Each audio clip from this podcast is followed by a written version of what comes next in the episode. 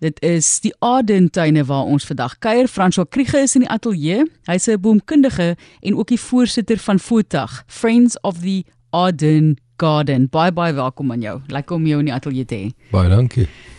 Voordat ons nou kom by hierdie eksotiese boomversameling wat hierdie tuine huisves, wie was Aden? Ehm um, Ralph Henry Aden was 'n sakeman uit Engeland. Hy het so in 1840 hier aangekom. In uh, 1845 het hy 'n subverdeling van Stellenberg plaas in in Claremont gekoop en 'n uh, 'n tuin, 'n huis gebou en 'n tuin gestig. En was hy self 'n boomkundige?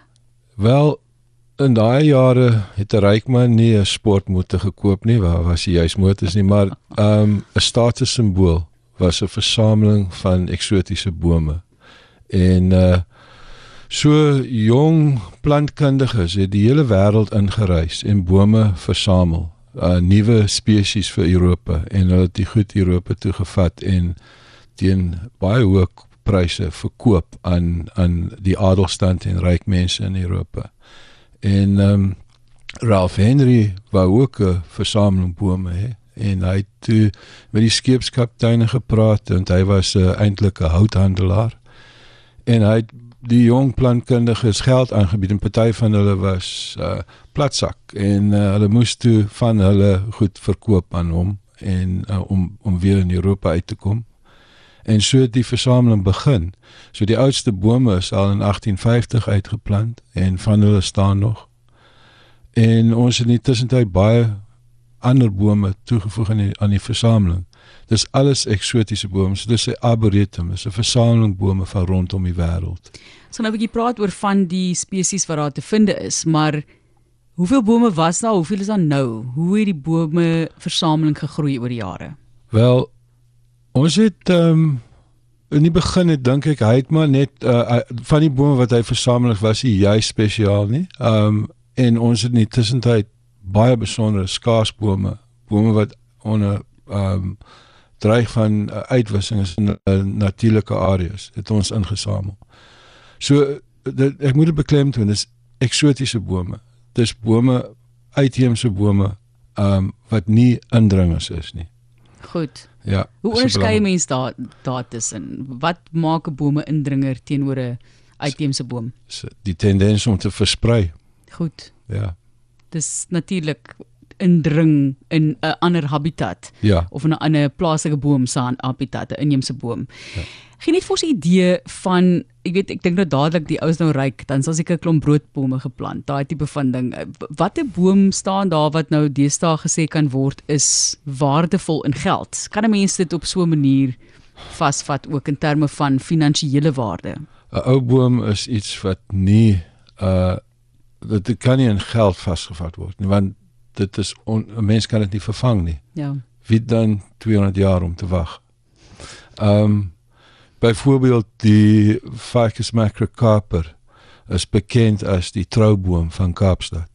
Ehm um, dit is 'n reuse ou willevy van Indië en ehm um, skies van Australië. En ehm um, dit is wyd bekend in Kaapstad en Uh, ek het in die area groot geword en ek onthou toe ek 'n kind was het mense daar hulle troufoto's laat afneem en dit bly tot vandag so.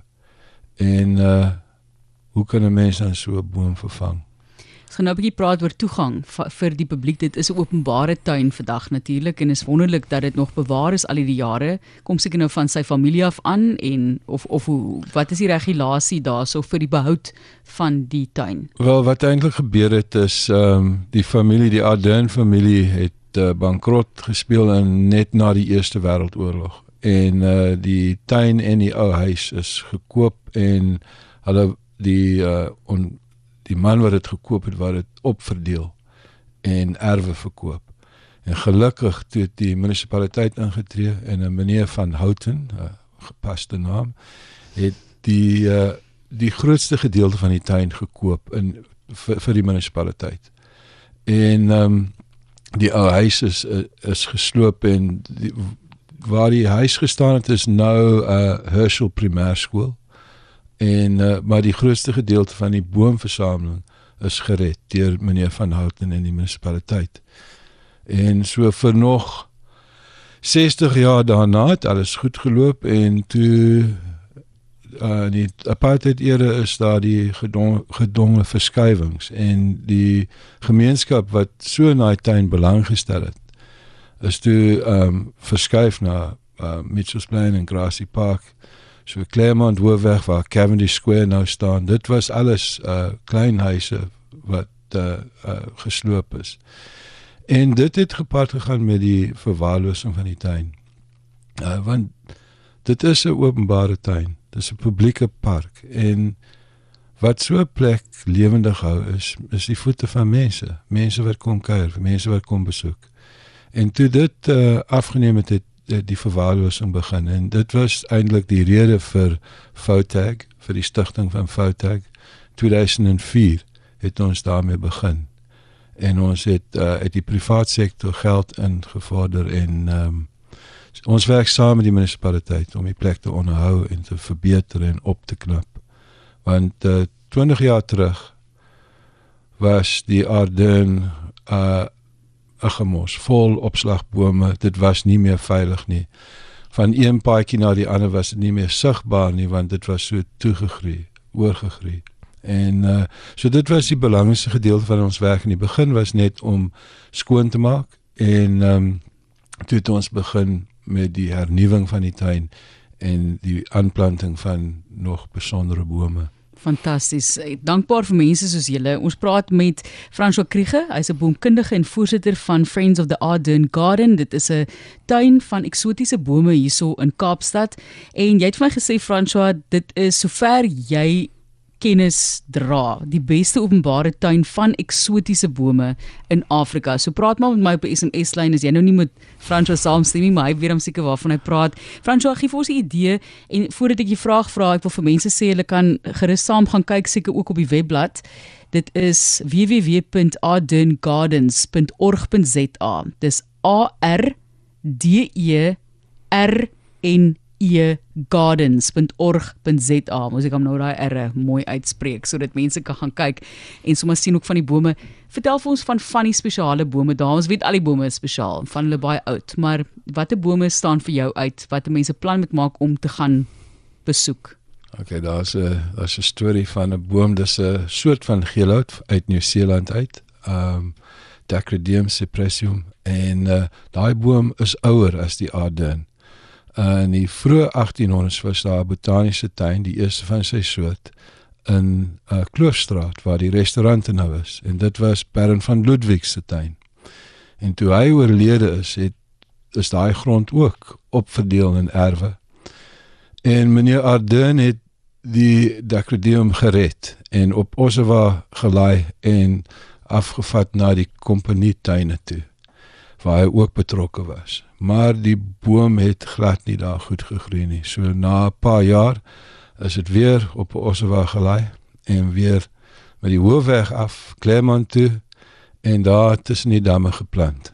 So dit is ons oudste boom en ons skat hom byna oor die 200 jaar. Ja, in die teenwoordigheid van 'n van 'n ouer oom of is ja. dit 'n dame? Is albei op een boom. Natuurlik. Okay. Ehm um, sê dit vir ons laasens mense kan net gaan gaan gaan besoek af lê. Is daar 'n manier wat ons vir jou kan bespreek en betaal om so half gee toere om 'n idee te gee van die bome of is daar aanwysing by die bome vir jou te sê wat jy besoek? Daar is 'n uh, borde wat uh so wat die geskiedenis van die tuin en die bome uit uh, uitbeeld en um, ons doen ook toere. Dis die eerste Sondag van die maand. Ehm um, en mense kan meer inligting op ons webwerf kry daaroor. Ehm um, en maar dit is gratis toegang. Dis dis 'n munisipale park. Alles is dit baie besondere munisipale park en dis in die hoofweg van Claremont. Ons sê vir jou baie dankie sterkte met die onderhoud. Ons het nog nie eens gekom by die uitdagings wat julle in die tuin het nie, maar die feit dat julle gekom het en besluit het om weer lewe te blaas in 'n passie wat iemand nou jare gelede gehad het en of dit nou gegaan het oor stand en hoe grand jy nou is daai tyd, maak nie saak nie. Maar jy kan gaan kyk op julle webblad, al die inligting is daarso en kan dalk met jou kontak maak as hulle meer vra het. Ja, daar's uh, iets op daar's 'n uh, uh, op die webwerf is kontak details. Ja. As sy, dis Arden Gardens. Ek gaan dit vinnig weer spel. Dis A R D E rnegardens.org.za, maar jy het my e-posadres. Stuur vir my e-pos as jy navraag het daarso. Franswa, bye bye, dankie vir die kuier in die ateljee.